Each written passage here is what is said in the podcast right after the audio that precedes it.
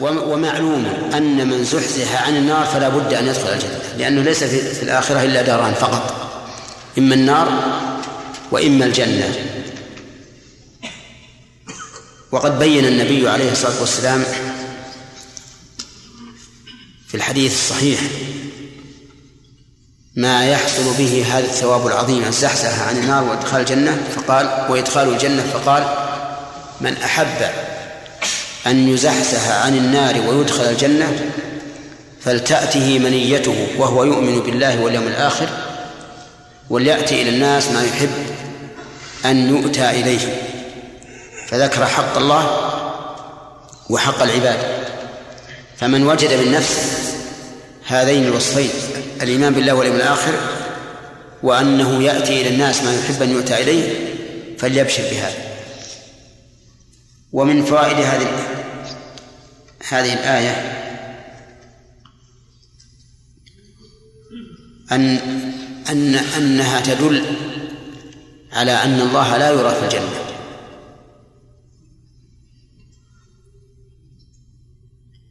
صح؟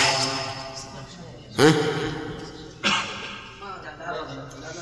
ما فيه لا نفي ولا إثبات. ولكن الزمخشري في تفسيره قال أي فوز أعظم من أن يزحزح النار الإنسان عن النار ويدخل الجنة؟ أي فوز أعظم؟ نعم؟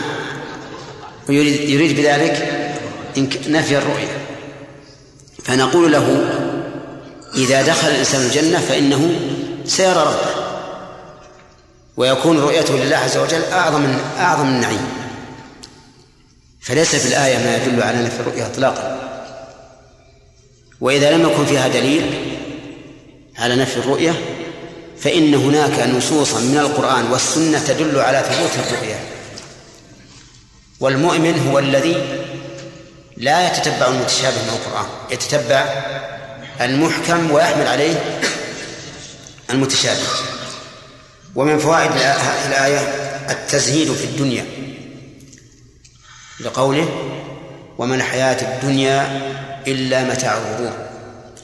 ومن فوائدها أنه يجب على الإنسان الحذر من مغبة الدنيا وغرورها.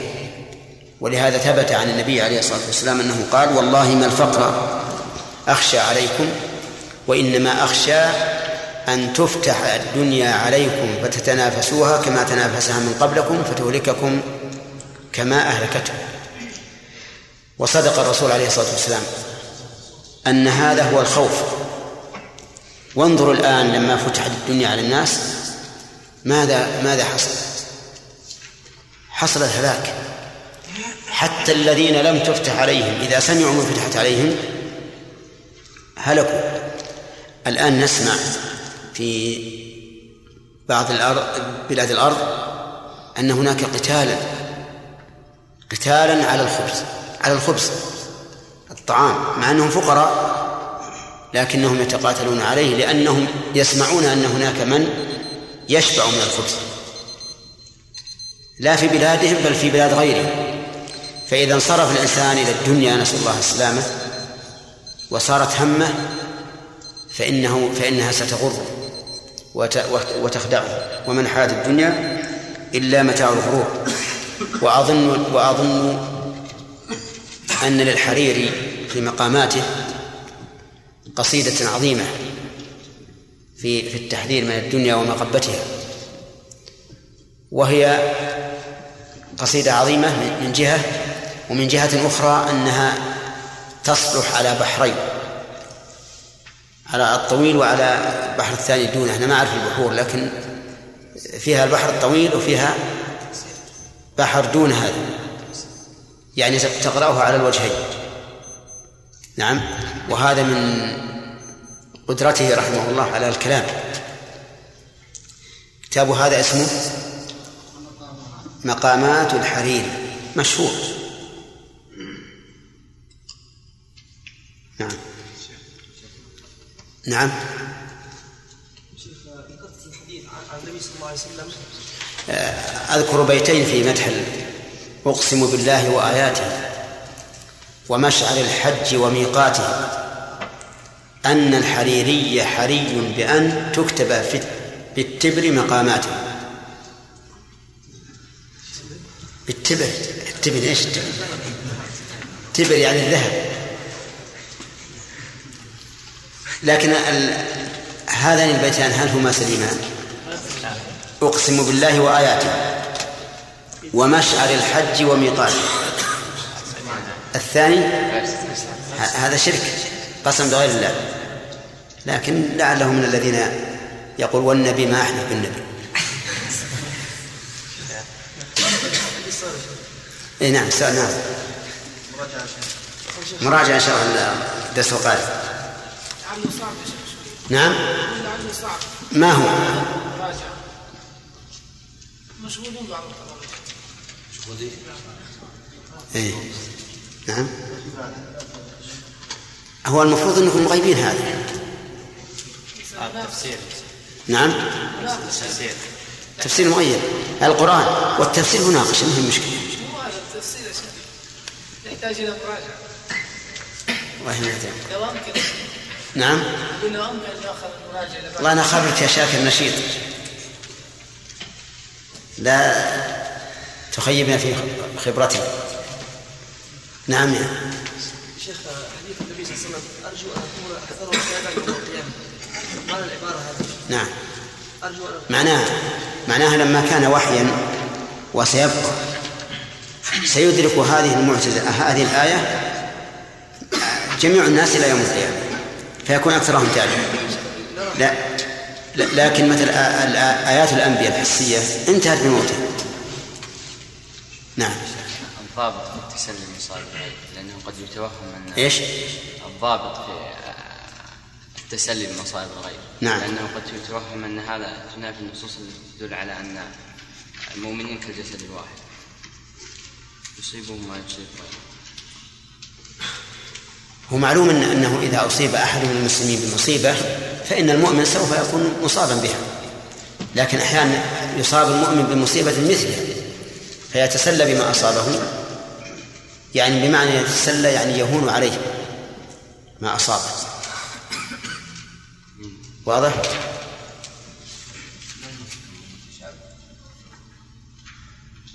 المحكم والمتشابه. في سورة في سورة آل عمران قصدك؟ المحكم ما اتضح معناه. والمتشابه ما اشتبه منه نعم؟ المحكم مثل الآيات الواضحة مثل شهر رمضان الذي أنزل فيه القرآن هذا محكم. ليش؟ لأنه واضح. كل أحد يعرف شهر رمضان وكل أحد يعرف القرآن. فيه آيات آيات متشابهة. مثلا فجزاء مثل ما قتل من نعم يحكم به ذوى عدل منكم هدي بالغ الكعبة أو كفارة طعام مساكين أو عدل ذلك صيام عدل إيش؟ عدل نفس الصيد أو عدل الجزاء. اختلف فيها العلماء. الغالب أن كل مسائل الخلاف في القرآن تكون من المتشابه الذين يقولون أن الصفات من المتشابه نقول لهم إن أردتم أنها من المتشابه معنى فهذا خطأ. لأن معناها ظاهر. وإن أردتم أنها من المتشابه حقيقة وأن حقيقتها لا تعلم فهذا حق. فإطلاق أنها من المتشابه خطأ ونفي أن تكون من المتشابه خطأ أيضا. نعم.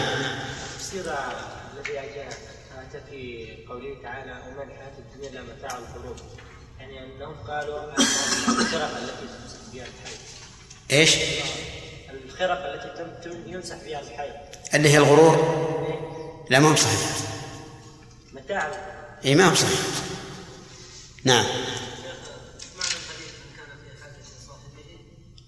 من كان في حاجة أخيه كان الله في حاجته. يعني أنك إذا اهتممت بحاجات إخوانك فإن الله تعالى وعنتهم على ذلك. فإن الله يعينك على حاجاتك.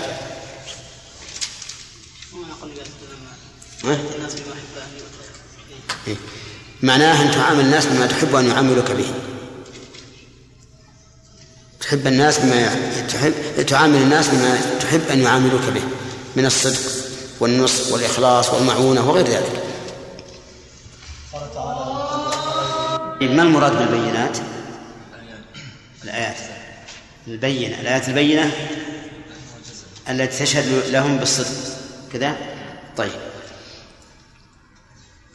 هل تعرف حديثا يدل على سبب أو يدل على أن الإنسان إذا عمل به زحزح عن النار وادخل الجنة؟ نعم.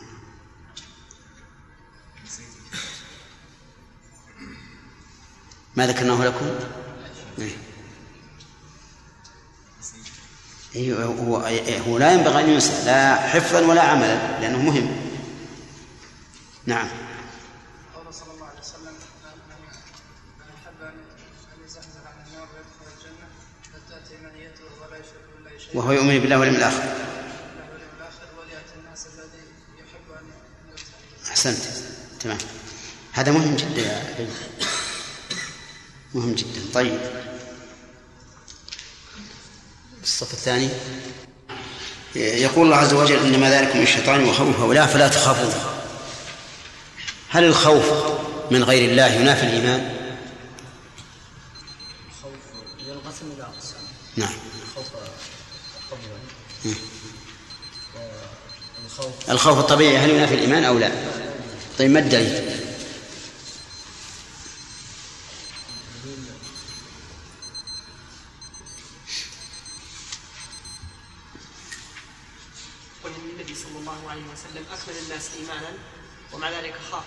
والسلام حينما أراد أن يخرج من مكة فخرج متأثما حتى لا يزي به مختفيا. نعم. نعم. قوله تعالى فأوجس في نفسه خيفة نعم. قوله تعالى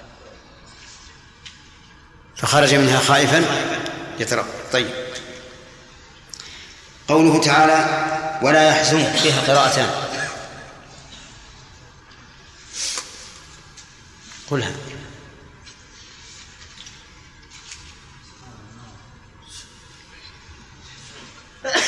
يحزنك. ها؟ ولا يحزنك؟ يلا عبد الله. اي والقراءة الثانية؟ يحزنك؟ نفس القراءة. ها يحزنك؟ لا. لا مجزومة لأن لا ناهية. يحزنك من الرباعي. نعم عبد الله. يقرأ يستبشرون بنعمة من الله.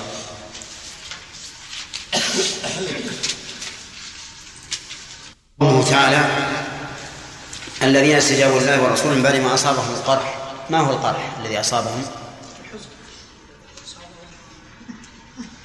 الحزن. سيمة إيش؟ متى؟ في أحد يعني اصابهم قرح الجراح والقتل الذي حصل في أحد طيب هل هل كانت غزوة حينما ندبهم النبي عليه الصلاة والسلام إلى أن يخرجوا أو لم تكن؟ لا, لا لما ندبهم بعد الرجوع من من أحد وخرجوا هل حصلت غزوة؟ ما الدليل من الآية؟ إيه ما الدليل من الآية؟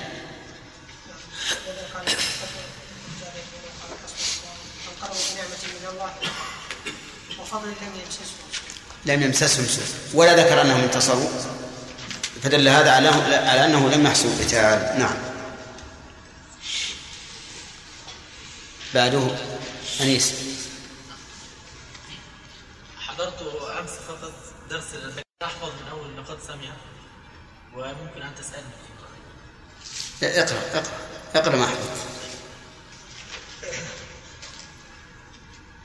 لقد سمع أعوذ بالله من الشيطان الذين قالوا إن الله فقير ونحن أغنياء. سنكتب شهادة سنكتب ما قالوا. سنكتب ما قالوا وقتلهم الأنبياء بغير حق. يأتينا بقربان. بقربان تأكله النار. قل قد جاء. قل قد جاء. قل قد جاء رسل من قبل. جاءكم. قل قد جاءكم رسل من قبلي بالبينات. بالبينات والزبر. وبالذي قلت. وبالذي قلت. أنا أحفظها يا شيخ عفوا لكن اشعر والله احفظها جيدا قل قد جاءكم قل قد جاءكم من قبل رسل قل. بالبينات وبالذي تسأل. قلتم فلما تقتلوهم؟ كنتم- فقد جاءكم رسل. وقد جاءكم. رسل. قل قد جاءكم رسل من قبلي من قبلي بالبينات وبالذي قلتم. نعم. اقرأ هكذا ما- مو بلازم ترتيب فلما كنتم فلما قتلتموه. فلما فلما؟ إيه، بدون ألف. فلما قتلتموهم نعم. أم تقتلوهم قتلتموهم؟ قتلتموه فلما قتلتموهم إن كنتم صادقين. طيب بارك الله فيك. لقد سمع الله قول الذين قالوا ما المراد بهذا بهذا الخبر؟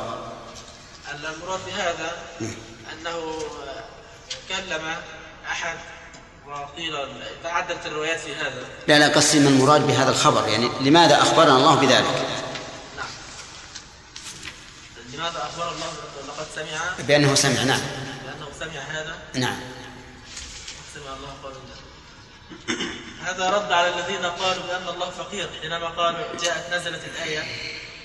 آه، من ذا الذي يقرض الله إيه لكن ما... إيه نعم لكن ما... لماذا أخبر الله بذلك؟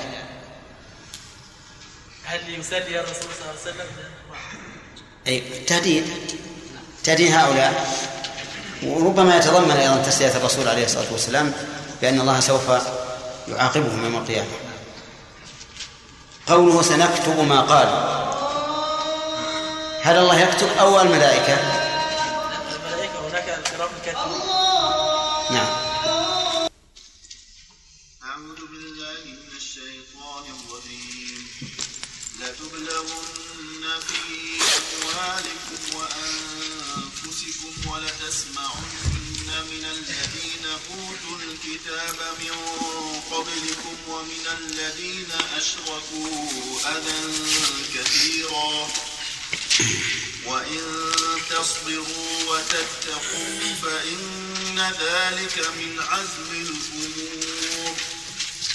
وإذ أخذ الله ميثاق الذين أوتوا الكتاب لتبيننه للناس ولا تكتمونه فنبذوه فنبذوه وراء ظهورهم واشتروا به ثمنا قليلا فبئس ما يشترون لا تحسبن الذين يفرحون بما أتوا ويحبون أن يحمدوا بما لم يفعلوا فلا تحسبنهم بمفازة من العذاب ولهم عذاب أليم.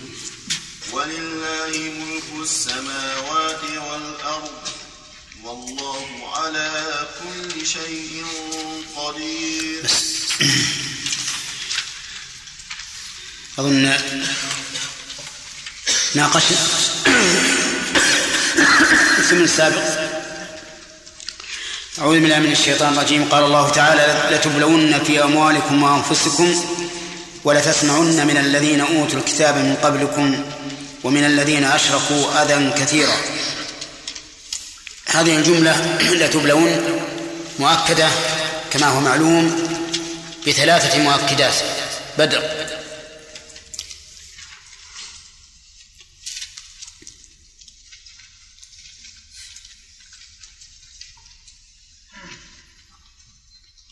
كيف؟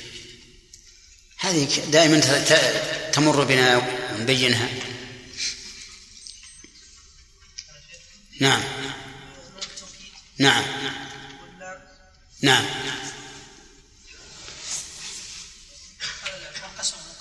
والقسم مقدر. لأن اللام هذه موطئة للقسم أي والله لا تبلون. وال... والابتلاء الاختبار. والله سبحانه وتعالى أحيانا يختبر بالخير وأحيانا يختبر يختبر بالشر. كما قال تعالى ونبلوكم بالشر والخير فتنة. وكما قال الله كما قال الله تعالى عن سليمان هذا من فضل ربي ليبلوني أأشكر أم أكفر؟ وذلك أن الإنسان دائر بين حالين إما شيء يسر به ويفرح به فهذا وظيفته الشكر وإما شيء يسوءه ويحزنه فهذا وظيفته الصبر. ولهذا قال النبي عليه الصلاة والسلام عجبا لأمر المؤمن إن أمره كله خير. إن أصابته ضراء صبر فكان خيرا له. وإن أصابته سراء شكر فكان خيرا له. وقال ذلك لا يكون إلا للمؤمن. هنا يقول عز وجل لتبلون في أموالكم وأنفسكم. في أموالكم إما من قبل الله عز وجل كالجوائح وإما من قبل المخلوقين كتسلط المشركين على أموال المسلمين. وكل ذلك من البلوى كل هذا من البلوى الذي يبتلي, يبتلي الله به العباد. وقوله أنفسكم يشمل أيضا البلوى المتصلة والمنفصلة. البلوى المتصلة ما يحصل على الإنسان من بلوى من الله عز وجل في بدنه. مثل المرض والعجز وما أشبه ذلك. والبلوى المنفصلة ما تكون في الأولاد. لأن الأولاد من أنفسنا. يبتلى الإنسان في ولده في أهله في زوجته في غير ذلك. هذا أيضا من الابتلاء. ثم إن الابتلاء الذي يكون إما من الله عز وجل وإما من المخلوق. يبتلى الإنسان في نفسه من المخلوقين يؤذونه أحيانا بالضرب وأحيانا بالقول وأحيانا بالقتل كما قتلوا الأنبياء بغير حق ولتسمعن من الذين أوتوا الكتاب من قبلكم ومن الذين أشركوا أذى كثيرا. لتسمعن من الذين أوتوا الكتاب من قبلكم. وهم اليهود والنصارى. ومن الذين أشركوا وهم الوثنيون. كقريش وغيرهم. تسمعن منهم أذى كثيرا. أذى بإيش؟ بالقول. لأنه الذي يسمع مثل أن يعيروكم أو يسبوا دينكم أو يسبوا نبيكم. وقد قالوا عن النبي عليه الصلاة والسلام إنه ساحر كذاب. أجعل الآلهة إله واحدا إن هذا لشيء عجاب وقالوا إنه مجنون. فإنا لتاركوا آلهتنا لشاعر مجنون. وقالوا إنه كاهن. ووصفوه بكل عيب. ولا شك أن هذا يؤذي المؤمنين. يؤذي النبي صلى الله عليه وسلم. ولكن وظيفتنا نحو هذا الأمر الصبر. ولهذا قال وإن تصبروا وتتقوا فإن ذلك من عزم الأمور. وقوله أذى كثيرا يعني وأذى قليلا لكن الأذى الكثير أشد على الإنسان من الأذى القليل. ومع ذلك فإنه مأمور بالصبر.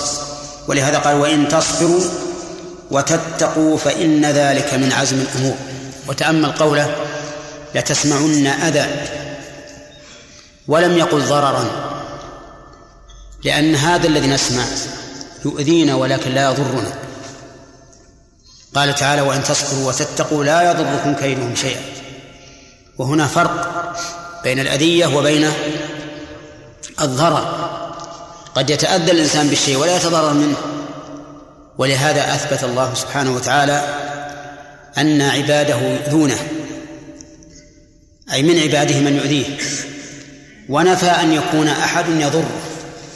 فقال عز وجل في الحديث القدسي يا عبادي إنكم لن تبلغوا ضري فتضروني. ولن تبلغوا نفعي فتنفعوني. وقال إن الذين يؤذون الله ورسوله لعنهم الله في الدنيا والآخرة وأعد لهم عذابا مهينا. فأثبت الأذية. وقال تعالى في الحديث القدسي يؤذيني ابن آدم يسب الدهر وأنا الدهر. فأثبت الأذية أيضا.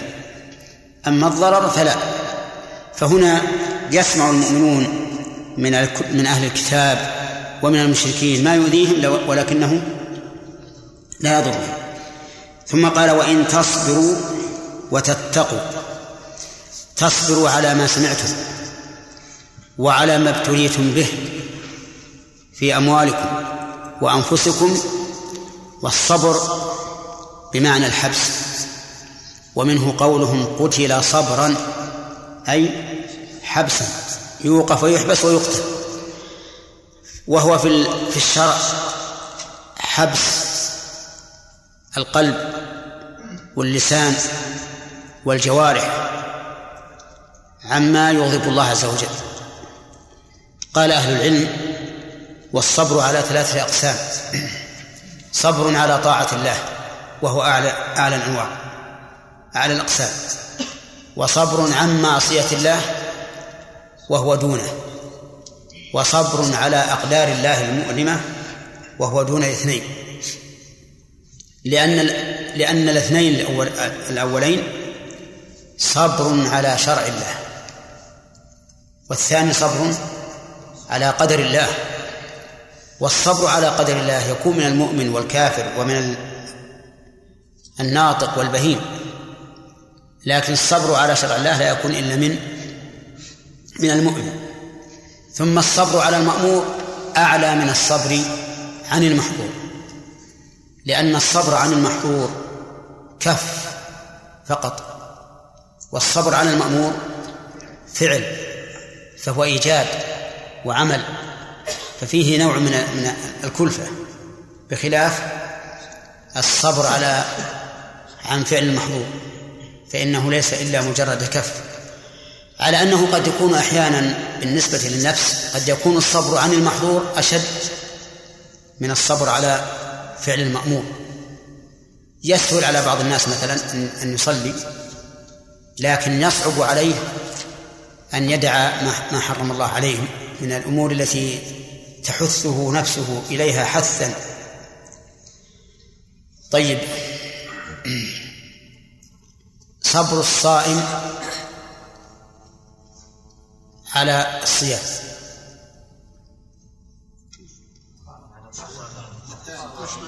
من الأول. وصبره على ألمه الذي يحصل بالجوع والعطش. لا من الثالث. من الثالث. صبر على أقدار الله المؤلمة وصبره عما حرم عليه بالصوم من الثاني ولهذا يسمى شهر رمضان شهر الصبر. لأن جميع أنواع الصبر الثلاثة تحصل للصائم ففيه أي في الصيام صبر على الطاعة وصبر عن المعصية وصبر على الأقدار. صبر يوسف على إلقاء إخوته إياه بالبئر. ها؟ من الثالث. من الثالث. هو من الأول؟ طيب وصبره عن إجابة امرأة العزيز. من الثاني. صبر على المعصية. وصبره على الدعوة إلى الله وهو في السجن. من الأول. نعم. وإن تصبروا. وتتقوا. تتقوا إيش؟ تتقوا الله عز وجل. بأن لا تتجاوزوا أو تعتدوا على غيركم. وذلك لأن النفس مجبولة على محبة الانتقام من الغير. فربما إذا سمعت أذى أن تأخذ أكثر من نصيبها سليمان. سمعنا سمع حجي. نعم. أين سرحت؟ نعم. طيب أقول النفس مجبولة على حب الانتقام من الغير إذا حصلت منه أذية فربما يعتدي الإنسان ويأخذ أكثر من حقه. ولهذا قال إن تصبروا وتتقوا أي تتقوا الله عز وجل فلا تعتدوا على الذين أسمعوكم الأذى. فإن ذلك من عزم الأمور أي من معزومات الأمور. فعزم هنا مصدر بمعنى اسم المفعول أي من من الأمور المعزومة التي تحتاج إلى عزم وإلى همة وإلى مكابدة. لأنها شاقة على النفس. والعزم في الأمور من الصفات الحميدة التي وصف بها الكمل من الخلق. قال الله تعالى فاصبر كما صبر أولو العزم من الرسل. فالعزم لا شك أنه خلق عالي يهبه الله عز وجل لمن يشاء. فإذا كان الإنسان عنده عزم في أموره فهذا هو الموفق. أما الإنسان الذي ليس عنده عزم فتجده دائما في ملل وفي كسل وفي تهاون فإن هذا لا شك خاص يخسر. فالإنسان العازم في أموره هو الرابح دنيا ودين ودينا. وإن تصبروا وتتقوا فإن ذلك من عزم الأمور. من فوائد هذه الآية هذه الآية أولا أن من البلاغة تأكيد الشيء بما يوجب الاطمئنان فيه لقوله لتبلون في أنفسكم. والتأكيد يقول علماء البلاغة إنه قد يكون حسنا وقد يكون واجبا وقد يكون لغوا. قد يكون لغوا. يكون لغوا إذا لم تدع الحاجة إليه. وذلك لأن التأكيد لا بد فيه من زيادة. ما هي الزيادة؟ زيادة الحروف التي حصل بها التأكيد. فإذا لم يكن حاجة إليه صار لغوا. ثم إنه أيضا لغو من حيث المعنى. ولهذا لو أنك أكدت لشخص شيئا شاهده لعتب عليك. وقال أنا ما أشوف أنا علمت.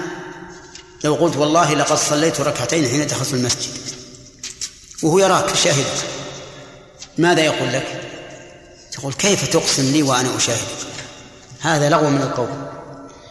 ويكون حسنا التوكيد يكون حسنا إذا كان عند الإنسان عند المخاطب شيء من التردد.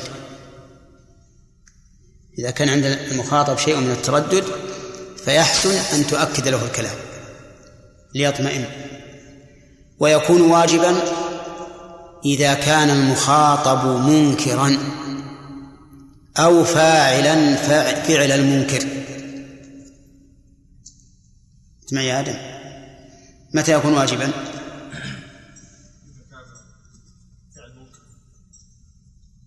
إذا كان الفعل منكرا.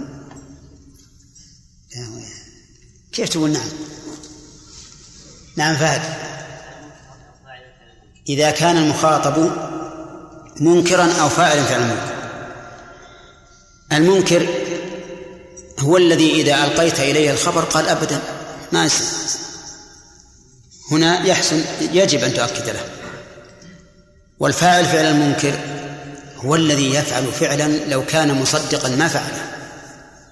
ولهذا قال الله تعالى ثم إنكم بعد ذلك لميتون. هنا فيه التأكيد بإن وإيش؟ ولا هل الموت يحتاج إلى توكيد؟ كل يعرف أنه سيموت. لكن لما كان فعل أكثر بني الإنسان فعل المنكر حسن التوكيد. نعم. طيب. ومن فوائد هذه الآية الكريمة أنه ينبغي للإنسان أن يتفطن لما هو فيه من خير وشر ليعلم أنه ابتلاء من الله.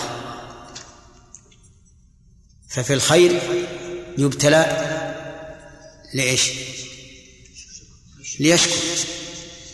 وفي ضده يبتلى ليصبر.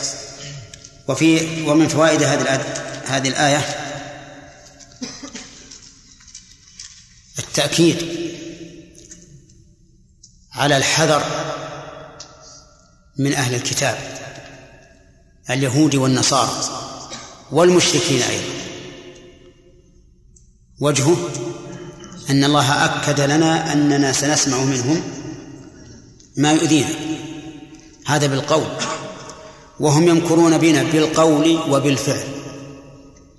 ولهذا يجب التحرز من اليهود والنصارى. وألا نتخذهم أولياء. وأن نعلم أنهم لن يعطونا قرشا إلا في مقابلة درهم أو أكثر. ولن ينفعون بشيء إلا وقد ضرونا بأكثر منه. لأن الله سبحانه وتعالى في القرآن الكريم بين عداوة هؤلاء وأنه لا يجوز اتخاذهم أولياء وأنهم اليهود والمشركين أشد الناس عداوة. كذا. أقربهم مودة الذين قالوا إن نصارى والخطاب هنا في نصارى معينين. وصفهم الله بقوله ذلك بأن منهم قسيسين ورهبانا وأنهم لا يستكبرون. وإذا سمعوا ما أنزل إلى الرسول ترى أعينهم تفيض من الدم مما عرفوا من الحق. فهل في نصارى اليوم من يكون هذا وصفهم؟ أبدا بالعكس. هم يحاربون الدين الإسلامي ربما أكثر من محاربة اليهود لأنه صارت بينهم وبين المسلمين معارك. أدمت قلوبهم وأيتمت أولادهم ولن ينسوها. المعارك الصليبية لن ينسوها أبدا. فهم في الحقيقة إذا سمعنا ما ينشرونه من دين من دينهم المنسوخ الذي لا يقبل عند الله وحرصهم على ذلك وكونهم يجمعون حتى من العجائز من الأموال ما يقضون به على الإسلام ليدخل الناس في النصرانية. عرفنا أنهم يسعون بكل وسيلة إلى القضاء على الإسلام. ولهذا هم يؤملون أنهم في في حدود الألفين ستكون أفريقيا كلها على زعمهم نصرانية. ولكن بحول الله أن الأمر سيكون منقلبا عليه. ستكون إن شاء الله إسلامية وسيدحرهم الله عز وجل ويردهم على أعقابهم خائبين. من فوائد هذه الآية الكريمة وجوب الصبر أمام أذى الأعداء. وأنه من أو أو نقول في هذه الآية الكريمة الثناء على الصبر. ها؟ الثاني أحسن. الثناء على الصبر أمام ما نسمعه من أذية الأعداء وأن لا يردنا ذلك على أعقابنا وأن نحذر منه وقد اختلف العلماء رحمهم الله هل هذه الآية منسوخة؟ وأننا نصبر ونتقي إذا كنا عاجزين على الرد بالمثل أو هي محكمة. والصحيح أنها محكمة وأنها إنما تكون في حال يكون الصبر فيه على الأذى خيرا. أما إذا كان الأمر بالعكس فالخير مطلوب في جميع الأحوال. ومن فوائد الآية الكريمة التنبيه على فضيلة العزم في الأمور بقوله فإن ذلك من عزم الأمور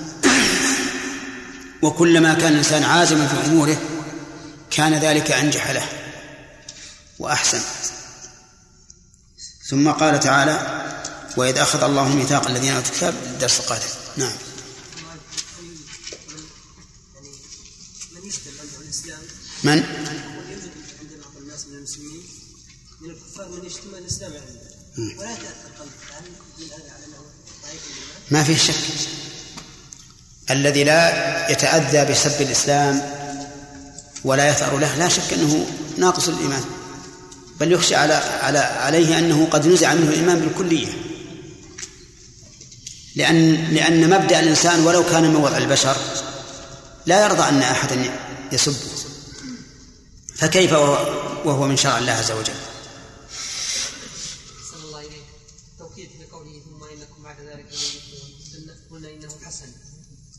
نعم. مع أن هؤلاء يعني من فاعلي المنكر. وقلنا إذا كان المخاطب فاعل المنكر فإنه إذا نعم إذا فا إذا كان فعله فعل المنكر. نعم. ف يعني يحسن قد نقول المراد يعني حسن وجوب لكن فرق بين المنكر صراحة وفاعل والفاعل فعل المنكر. هذاك أوجب المنكر. نعم.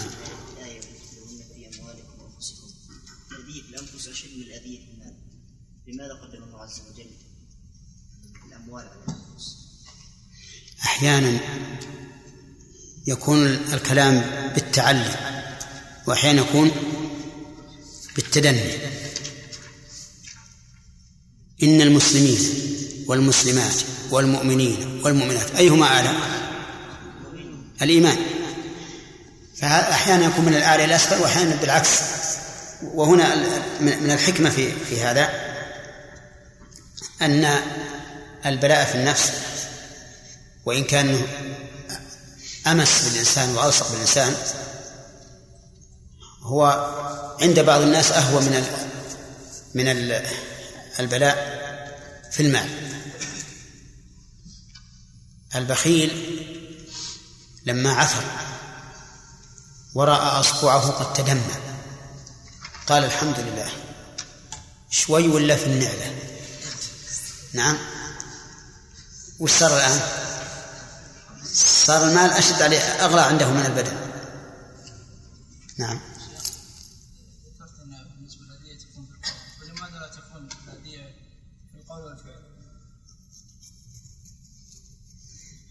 والله أنا ما أتصور أن الفعل مما يسمع. إلا كان مما يسمع عن الغير يمكن. يعني سمعت أنهم آذوا فلانا بالفعل. أما الفعل نفسه فهو ما ما يسمع. ولكن يرى ها؟ عند الأذية يسمى نقول إيش؟ عند الأذية يقول إيه؟ يسمى نقول إنا لله وإنا إليه راجعون اي نعم نعم كل مصيبة ها؟ إيش؟ نعم ومن الذين أوتوا الكتاب من قبلكم هذا لبيان الواقع. وذلك لأن القيود أحيانا تكون لبيان الواقع لا. لا. لا للاحتراز وهذا كثير. مثل قوله تعالى يا أيها الناس اعبدوا ربكم الذي خلق فهنا لو قال قائل هل لنا رب لم يخلقنا؟ نقول لا. إذا لماذا قال الذي خلقكم؟ لبيان الواقع. نعم. هل الصبر على الأذية مطلقا؟ أذية الكتاب.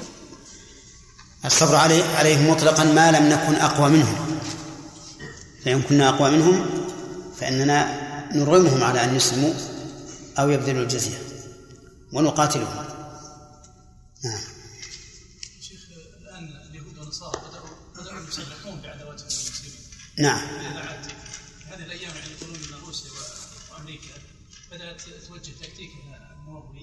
إلى دول العالم الثالث. تفكر في أن الخطر القادم سوف يكون من دول العالم الثالث وأن الشرق الأوسط هو يعني أهم منطقة أي نعم صحيح. ولكن يا يوسف هنا كلمة. كلمة تغني عن كل تهديداتهم.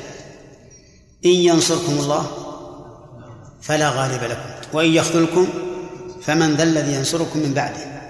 وعلى الله فليتوكل المؤمنون. نحن في الحقيقة إن خذلنا أو تسلط علينا هؤلاء الأعداء فهو من أنفسنا.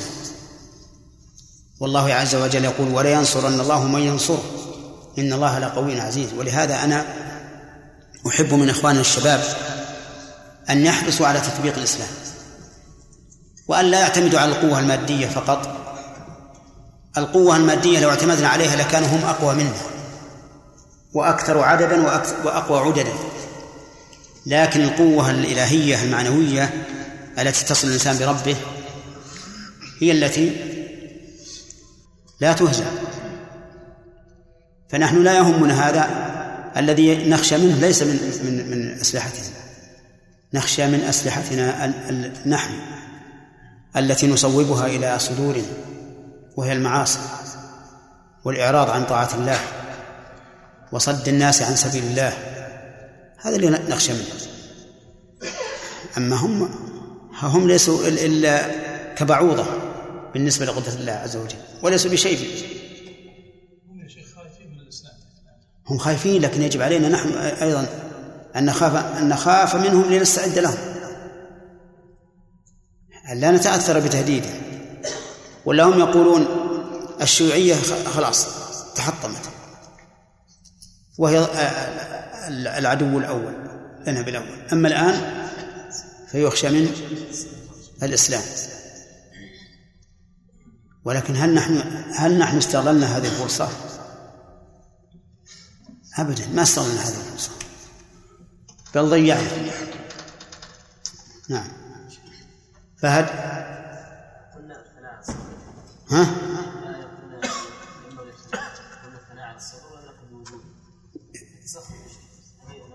لا لا الصبر على هذا الأعداء. نعم. ما نسخر لا. نأخذ نأخذ بالثأر منهم في حال الضعف نعم. هذا النصب يحسن أن نصبر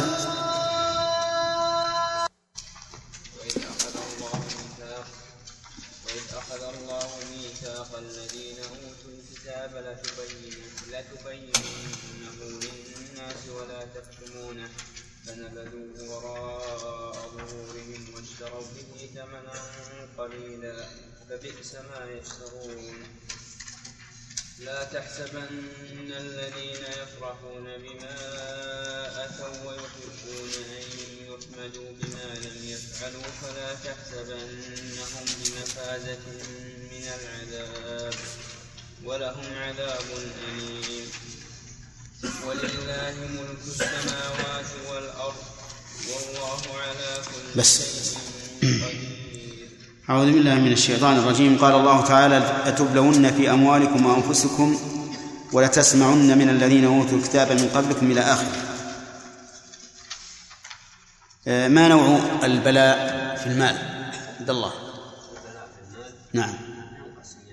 إلى عده اقسام منها ما يعني البلاء المشركين اي من الخلق مثل ان يتسلط الكفار على اموال المسلمين نعم وجل من الجوائح والمصائب التي تصيب المال أحسنت. ومنها ما يكون يعني باعتراض الفرائض يعني مثل الزكاة والنفقات. يعني يختبركم على هذا الوجه الأخير فيما فيما يفرضه عليكم. طيب. الابتلاء في النفس. نعم. نعم. بس.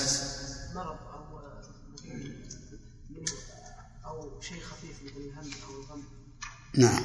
بس هذا كله في النفس. يعني؟ لا اللي في النفس. ما هو ينقسم. ها.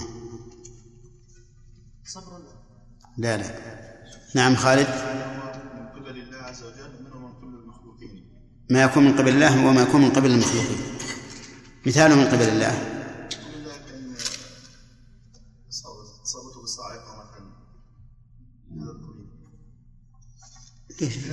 ما اخترت إلا الصاعقه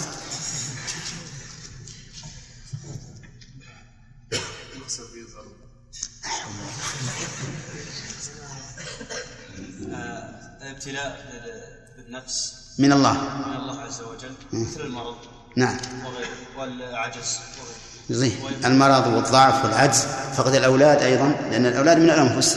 طيب. هذا ابتلاء بالنفس منفصل.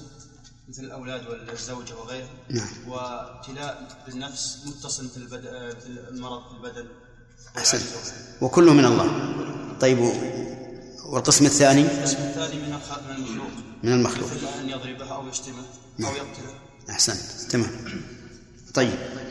قول ولا تسمعن من الذين أوتوا الكتاب.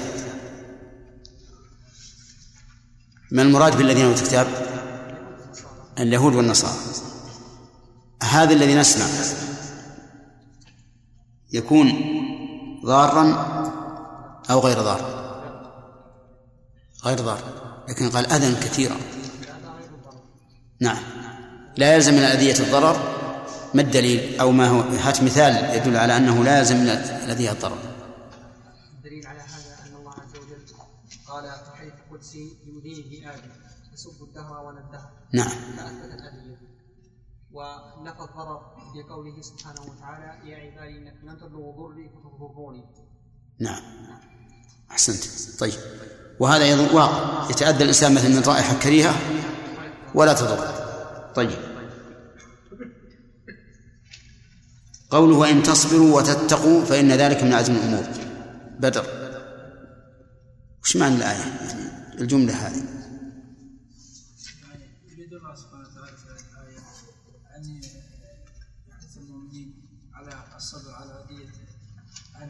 الصبر والتقوى أي يص- يصبرون على أذاهم ويتقون الله ويتقون الله سبحانه وتعالى ويقربون إليه بما يحصل عليهم من أذى المشركين. فلا يعتدوا عليهم بأكثر من من عدوانهم. تمام. طيب. قوله من عزم الأمور. هداية الله. إيش معنى من عزم الأمور؟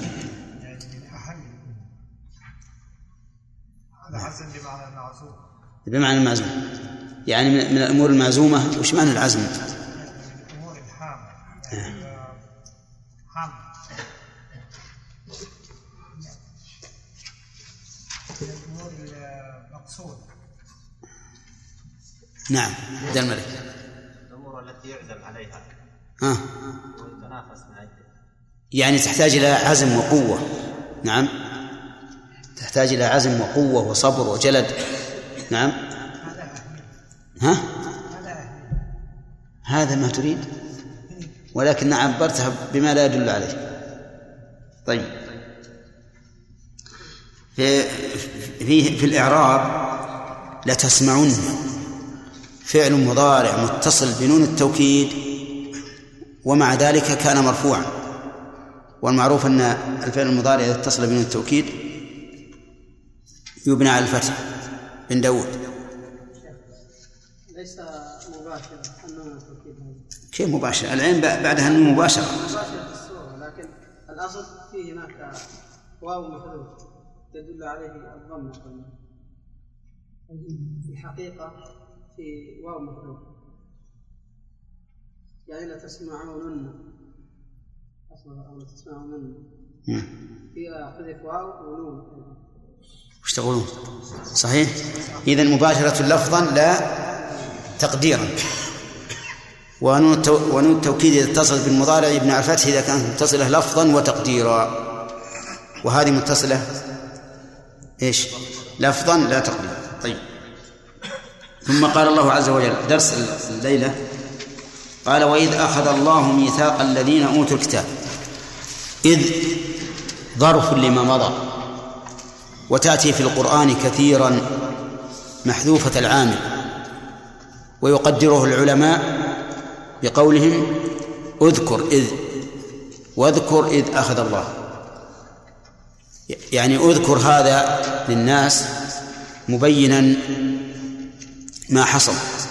وقول إذا أخذ الله ميثاق. الميثاق هو العهد الثقيل وسمي العهد الثقيل ميثاقا من الوثاق. وهو الحبل الذي يشد به الإنسان ويربط. كما في قوله تعالى فإذا لقيتم الذين كفروا فضرب الرقاب حتى إذا أخنتموهم فشدوا الوثاق. يعني الحبل الذي تربطونهم به وتأسرونهم به. فالميثاق بمعنى العهد الثقيل. وسمي العهد الثقيل ميثاقا لأنه كالرباط للمعاهد. وقول الذين أوتوا الكتاب المراد بهم اليهود والنصارى. أخذ الله عليهم العهد والميثاق بما أعطاهم من الكتاب أن يبينوه للناس. ولهذا قال لتبيننه اللام موطئة للقسم. أي أخذ عليهم عهد بهذا. لتبيننه للناس ولا تكتمونه. هنا قال لا تبينن ولا ولا تكتمونه فكيف يصح قوله ولا تكتمونه مع أنه قال لا تبيننه؟ لأن البيان ضد إيش؟ ضد الكتمان. ولكن نقول المعنى لتبيننه بيانا لا كتمان فيه. لا كتمان فيه. والكتمان نوعان. إما إخفاء بعض الآيات وإما تحريف الآيات إلى معان أخرى فإن هذا يعد كتما لأن لأن الذي يحرف الآيات إلى معاني أخرى لم يبين الآيات على ما هي عليه بل كتم المعنى الحقيقي المراد إلى معنى آخر. فالكتم إذن نوعان. إخفاء لبعض الآيات كما قال الله تعالى تجعلونه قراطيس تبدونها للناس وتخفون كثيرا. وإما أن يكون الكتم كتم المعنى أن يكون كتم المعنى. أي لا يبين المعنى وإنما يحرف. فالكتم إذن نوعان. إخفاء الألفاظ. والثاني إخفاء المعاني بحيث لا يغير اللفظ لكن يغير المعنى فهذا كتمان. ومن ذلك مثلا أن النصارى قالوا إن محمد بن عبد الله عليه الصلاة والسلام ليس هو الذي بشر به عيسى لأن الذي بشر به عيسى اسمه أحمد وهذا اسمه محمد. هذا كتمان. كتمان معنى ولا لفظ؟ معنى. طيب لا تبينونه الناس ولا تكتمونه. فإن قال قائل هل يشعر العالم بهذا الميثاق؟ وأنه جرى بينه وبين الله عز وجل صفقة عهد؟ الجواب لا يشعر. لكن لكن إيتاء الله العلم له يعتبر ميثاقا. يعني كون الله يهب علما هذا ميثاق ما أعطاك هذا العلم إلا من أجل أن تبينه. وإن كان الإنسان لا يستحضر أنه جرى بينه وبين ربه عهد كما يعاهد أهل الذمة مثلا ولكن إيتاء الله عز وجل العلم له هذا عهد أن يبينه. قال ولا تكتمونه. فنبذوه وراء ظهورهم. نبذوه أي نبذوا العهد نبذوا الميثاق أي طرحوه. ومع ذلك لم يطرحوه بين أيديهم بل طرحوه وراء ظهورهم. وهو كناية عن شدة إعراضهم عما آتاهم الله من الكتاب. حيث نبذوه نبذا ولم ينبذوه أمامهم بل وراء ظهورهم. فيكون هذا أشد في كراهية ما أنزل الله وفي الاستكبار عنه والإعراض عنه. فنبذوه وراء ظهورهم واشتروا به ثمنا قليلا. اشتروا به أي استبدلوا به ثمنا قليلا. أي بهذا العهد والميثاق ثمنا قليلا. ما هو الثمن القليل الذي اشتروه؟ إبقاء رئاستهم وجاههم وسلطانهم على قومهم لأن هؤلاء الأحبار والقسيسين لو تبعوا محمدا زالت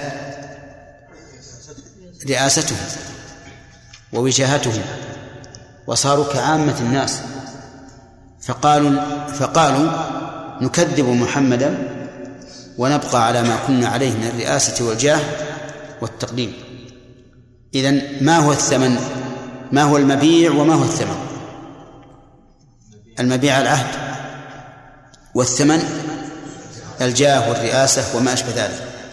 ووصف الله هذا بأنه قليل. وصدق الله. فإن جميع ما في الدنيا قليل. قال الله تعالى قل متاع الدنيا قليل والآخرة خير لمن اتقى. فهذا ال- الذي استبدلوه هو ثمن قليل زهيد.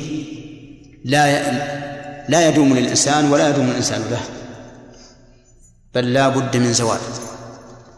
إما زوال الإنسان وإما زوال الثمن الذي اشتراه.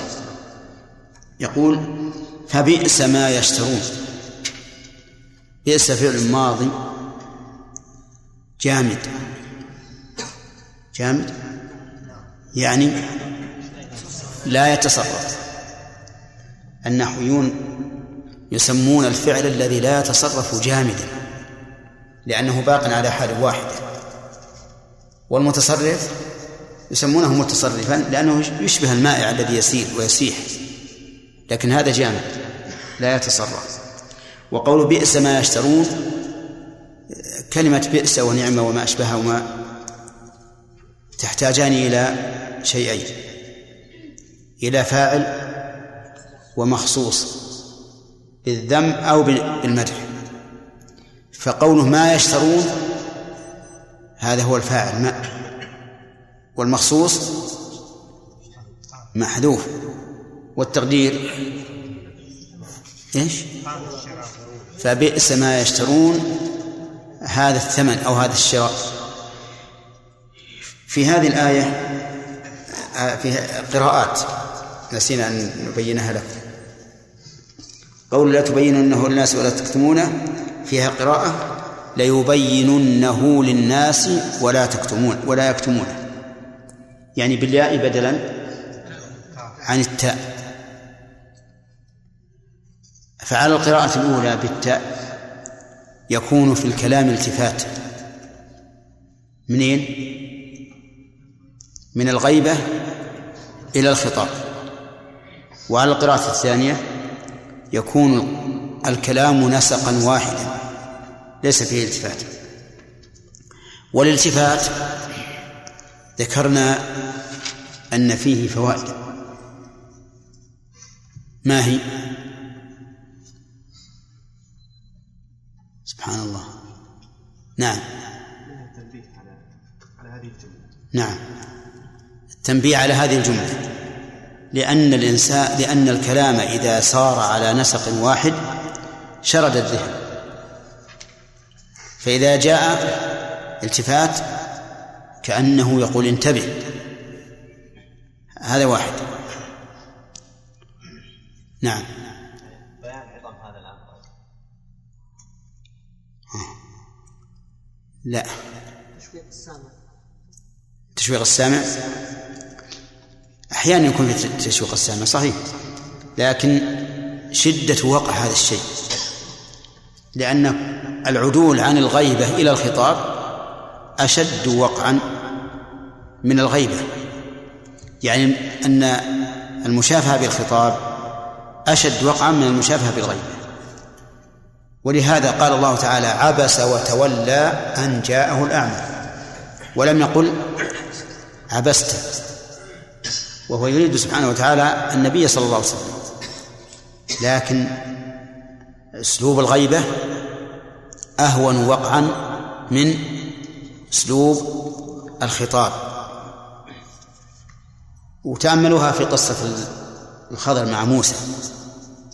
في الأول في الجملة الأولى قال له ألم أقل إنك لن تستطيع معي صبرا ألم أقل إنك. في الثانية قال ألم أقل لك إنك لن تستطيع لن تستطيع معي صبرا فكانت الثانية أشد من الأولى أشد وقعا. طيب. وفيها أيضا قراءة في الآية التي بعدها نقرأ من فوائد هذه هذه الآية من فوائد هذه الآية أن الله عز وجل أخذ على أهل العلم العهد ببيان العلم وعدم كتمانه لقوله وإذ أخذ الله إلى آخره ومن فوائدها التحذير من كتمان العلم لأن الله ذكر ذلك على سبيل الذم لا على سبيل المدح وقد جاء عن النبي عليه الصلاة والسلام أن من سئل عن علم وهو يعلمه ثم كتمه ألجم بلجام من نار يوم القيامة. نعوذ بالله. كما أنه آه، كتم العلم ولم ينطق به فإنه يجعل له يوم القيامة يوم يوم القيامة لجام يلجم به على فمه لسكوته عن بيان العلم. ومن فوائد هذه الآية وجوب بيان العلم على أهل العلم. أنه يجب على أهل العلم أن يبينوه أن يبينوا العلم الذي آتاهم الله. ولم يذكر الله عز وجل الوسيلة التي يحصل بها البيان. فتكون على هذا مطلقة راجعة إلى ما تقتضيه الحال. قد يكون البيان بالقول وقد يكون بالكتابة. وقد يكون في المجالس العامة وقد يكون في المجالس الخاصة على حسب الحال لأن الله أطلق البيان ولم يفصل ولم يعين. ومن فوائد هذه الآية الكريمة أنه في الأمور الهامة ينبغي أن يقرن النفي بالإثبات ليتحقق الكمال لقوله لتبيننه ولا تكتمونه.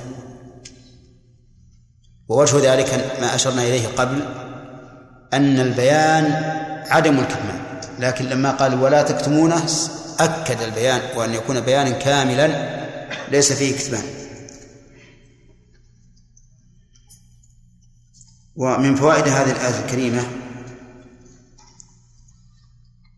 الذم القبيح لأهل الكتاب. اليهود والنصارى. لقوله فنبذوه وراء ظهورهم. وأنتم تجدون شدة الوقف في قوله نبذوه. ثم شدة الاستكبار لقوله وراء ظهورهم. ومن فوائد هذه الآية الكريمة أن هؤلاء الذين نبذوا العهد والميثاق وراء ظهورهم أخذوا بدلة ثمنا قليلا يعني لم يأخذوا مقابلة ولا مماثلة ولا ما ما فوقه ولكنهم أخذوا بدلة ثمنا قليلا مما يدل على خسة هممهم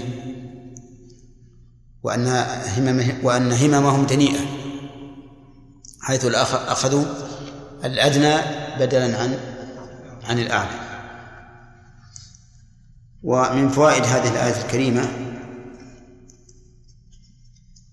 القدح بهذه الطريقة القدح في هذه الطريقة. بقوله فبئس ما يشترون. ويتفرع على هذه هذه الفائدة تحذير أولئك الذين يحابون الرؤساء والأمراء والوجهاء والعيان في ترك بيان العلم. لأن الله تعالى أثنى بالقدح واللوم والتوبيخ على من كانت هذه حالة. والواجب البيان حتى عند عند الأمراء والوزراء والكبراء والرؤساء بل إن بيان الحق عندهم يكون أوجب. وهو وكلمة الحق عند السلطان الجائر من أفضل الجهاد ثم قال الله عز وجل لا تحسبن الذين يفرحون بما أتوا ويحبون أن يحمدوا بما لم يفعلوا فلا تحسبنهم بمفازة من العذاب ولهم عذاب أليم. قوله لا تحسبن فيها قراءات. لا تحسبن ولا تحسبن بكسر السين. وفيها قراءة لا يحسبن بالياء بدل التاء. فالقراءة ثلاث. لا تحسبن. لا تحسبن. لا يحسبن. الذين يفرحون. فعلى قراءة التاء يكون الخطاب موجها إما للنبي صلى الله عليه وسلم وإما لكل من يصح أن يتوجه إليه الخطاب. والمعنى الثاني أعم وأشمل. يعني لا تحسبن أيها المخاطب. وقولها الذين يفرحون بما أتوا الذين محلها من الإعراب أنها مفعول أول لتحسبن. فأين المفعول الثاني؟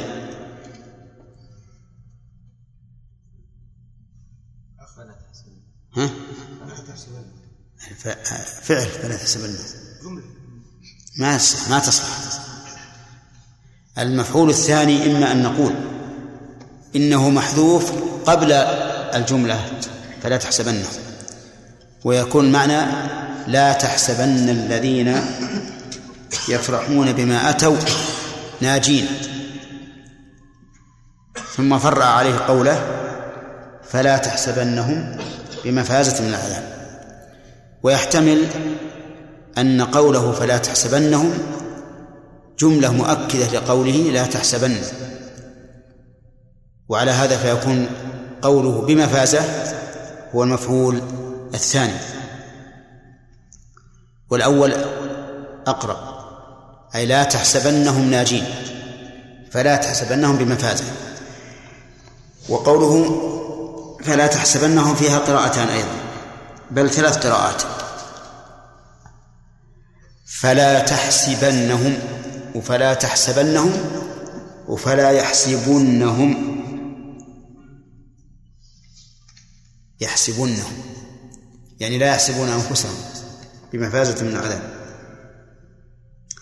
نرجع لنا التفسير. يقول عز وجل لا تحسبن الذين يفرحون بما أتوا أي يفرحون فرح أشر وبطر ومنة على الله وعلى رسول الله صلى الله عليه وسلم بما أتوا أي بما أتوا من الأعمال الذي التي يتقربون بها إلى الله على زعمه. ولكنهم يفرحون بها منة على الله ورسوله. وقوله ويحبون أن يحمدوا بما لم يفعلوا أي يحبون أن الناس يحمدونهم على شيء لم يفعلوه. مثل أن يتظاهروا للناس بالصلاح من أجل أن يثنى عليهم وهم لم يفعلوا الصلاح. ومثل ما فعل أهل الكتاب كتموا صفة النبي صلى الله عليه وسلم ولم يبينوها. فقالوا الآن غلبنا محمدا حيث قلنا إنه ليس هو المبشر به. ففرحوا بما أتوا وأحبوا أن يحمدوا بما لم يفعلوا كذلك المنافقون يفرحون بما أتوا ويحبون أن يحمدوا بما لم يفعلوا. فأما المسلم إذا فرح بما أنعم الله عليه من المال من من العمل وأحب أن يحمد بما لم يفعل لا رياء ولكن من طبيعة البشر أنه يحب أن يحمده الناس. فإن هذا لا يدخل في الآية.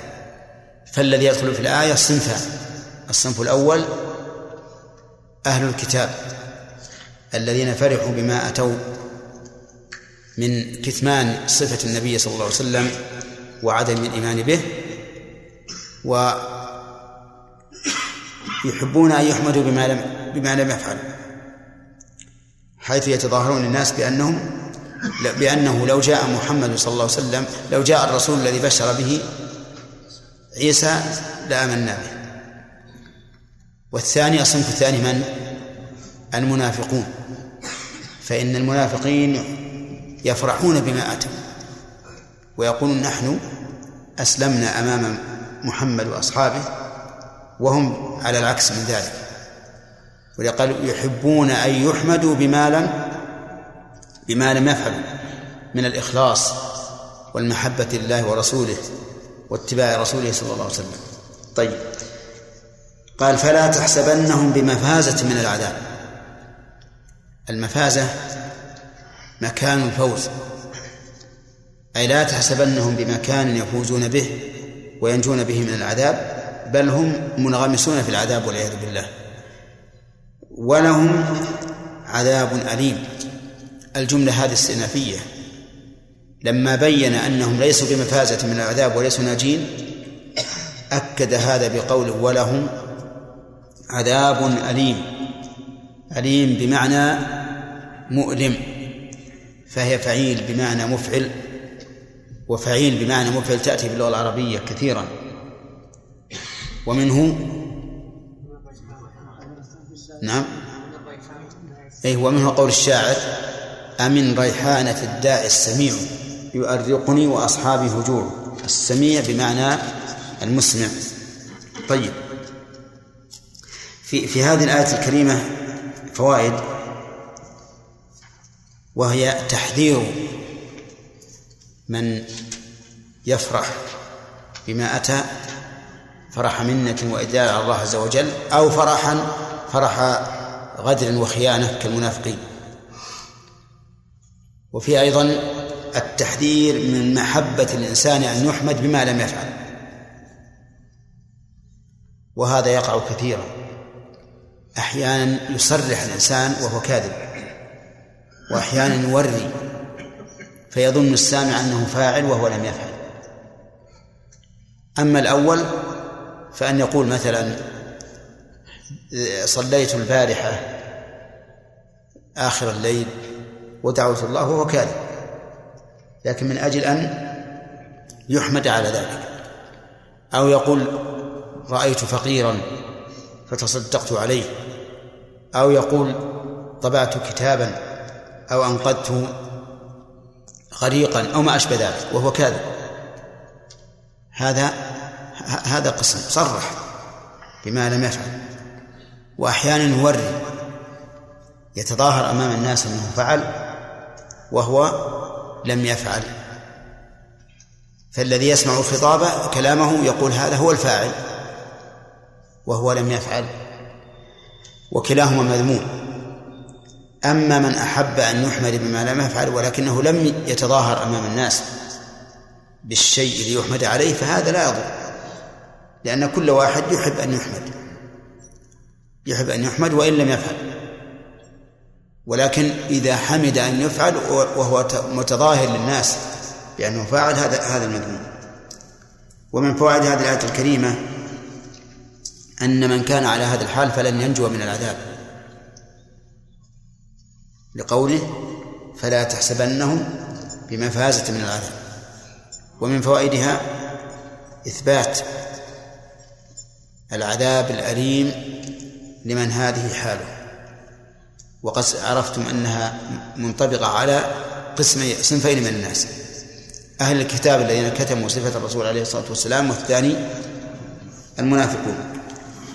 ثم قال تعالى ولله ملك السماوات والأرض والله على كل شيء قدير.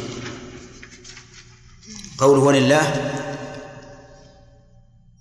الجار مجرور خبر مقدم وملك مبتدأ مؤخر والله على كل شيء قدير جملة استئنافية. قوله لله ملك السماوات. ملك السماوات أي ملك الأعيان وملك التصرف. فهو مالك لأعيانها وهو مالك للتصرف فيها. قال الله تعالى قل ادعوا الذين زعمتم من دون الله لا يملكون مثقال ذرة في السماوات ولا في الأرض. وما لهم فيهما من شرك وما له منهم من ظهير ولا تنفع الشفاعة عنده إلا لمن أذن له.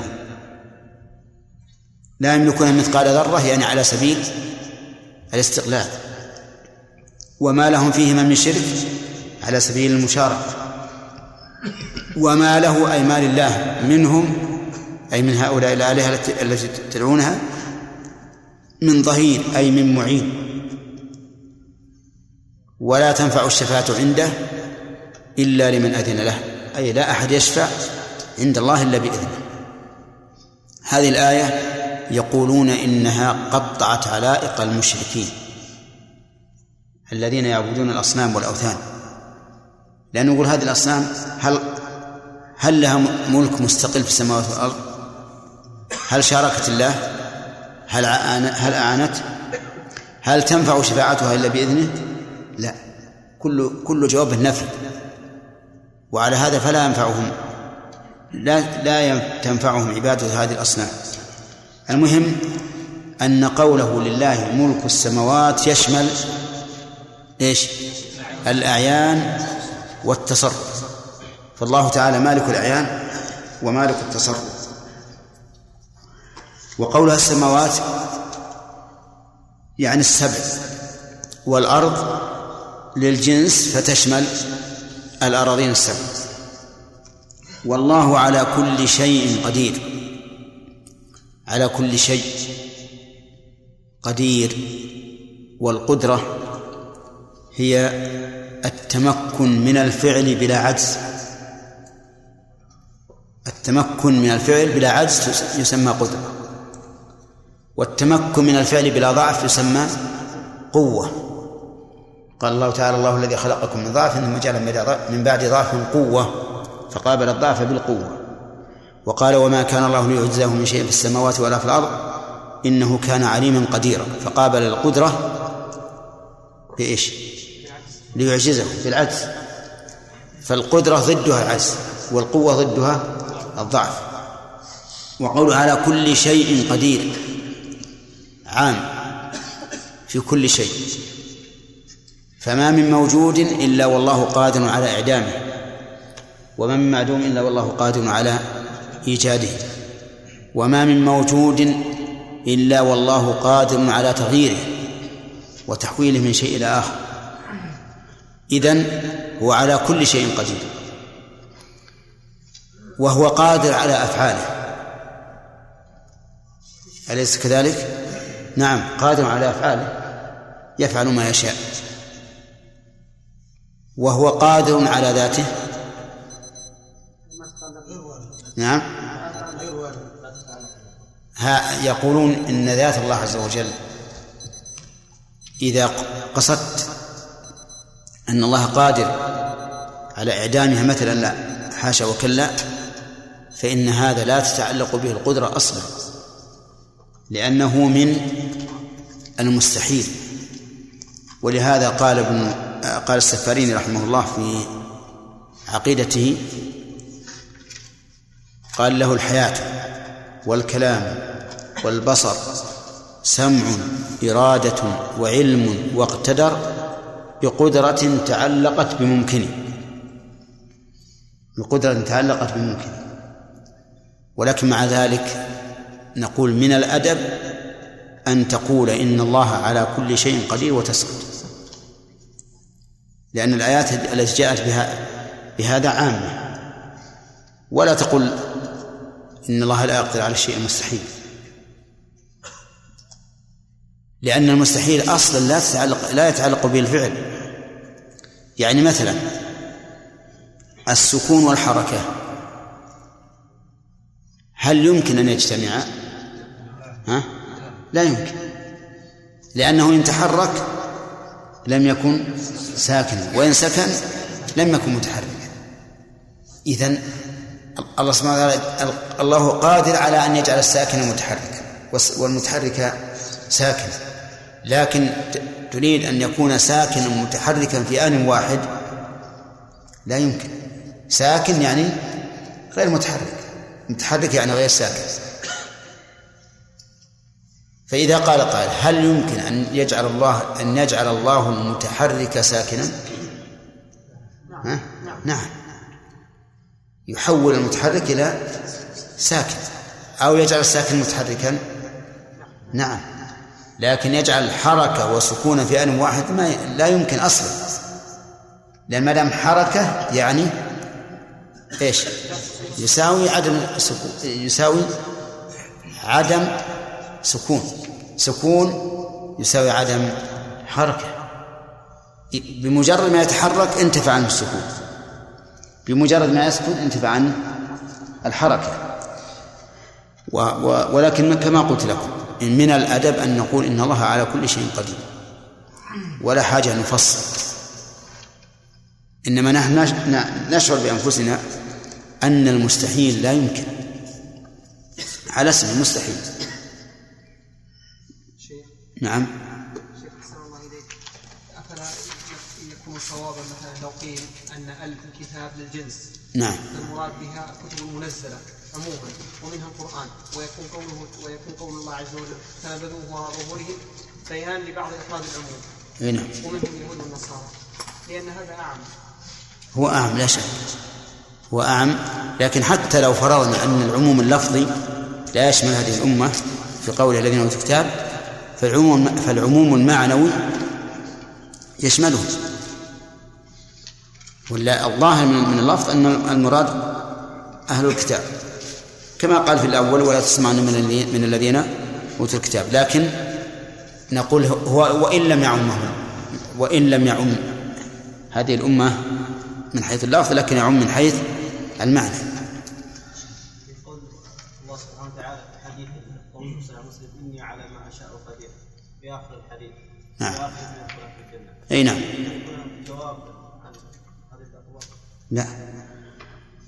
لأنه لأن- لأنه إذا تعلق بفعل خاص صح أن نقول أن نقيد الق- القدرة بالمشيئة.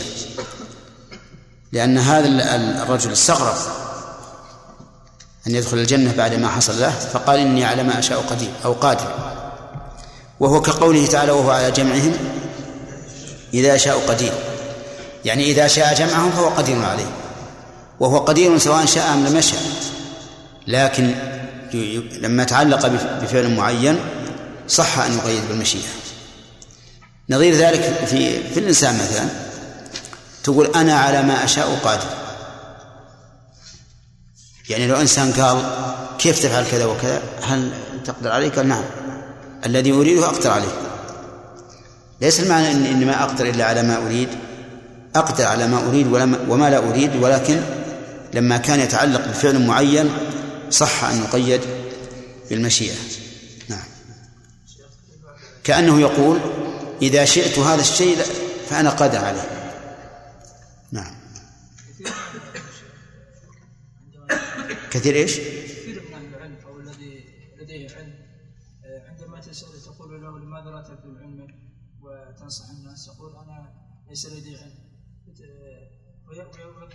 هل يخوف بالله؟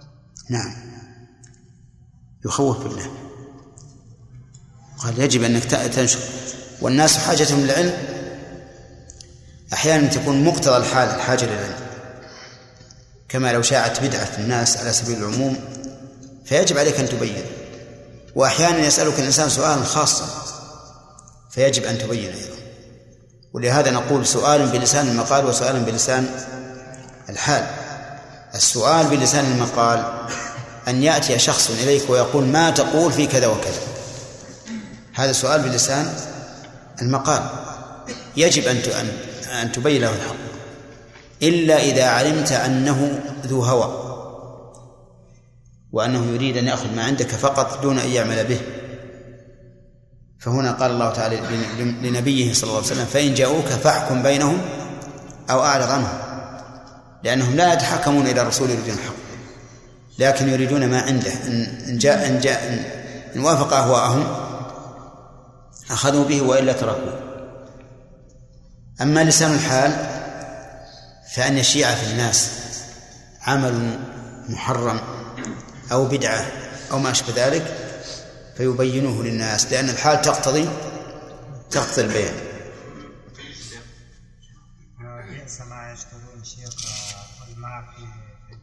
بئس ما يشترون هل نافية أو هل موصولة أو موصولة أو موصولة أو موصوفة. ها؟ أو أو يجوز. لا ما تصح مصدرية هي إما موصولة أو موصوفة. إذا كان موصوفة بعد فاعل نكرة إيه. مخصصة. مخصصة إيه نعم. بالوصف. يشترون.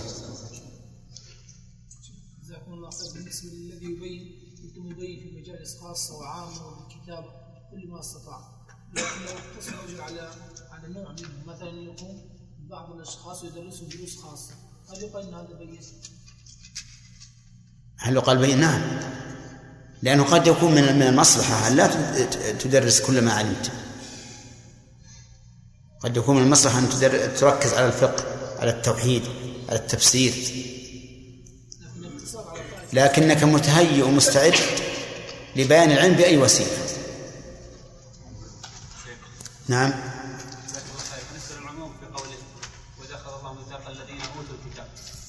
هذا عام مخصوص في وقت النبي صلى الله عليه وسلم. لأنه كثير من ما ما كتبوا. كيف ما كتب كثير من أهل الكتاب. الآن يعني؟ لا لا. ها.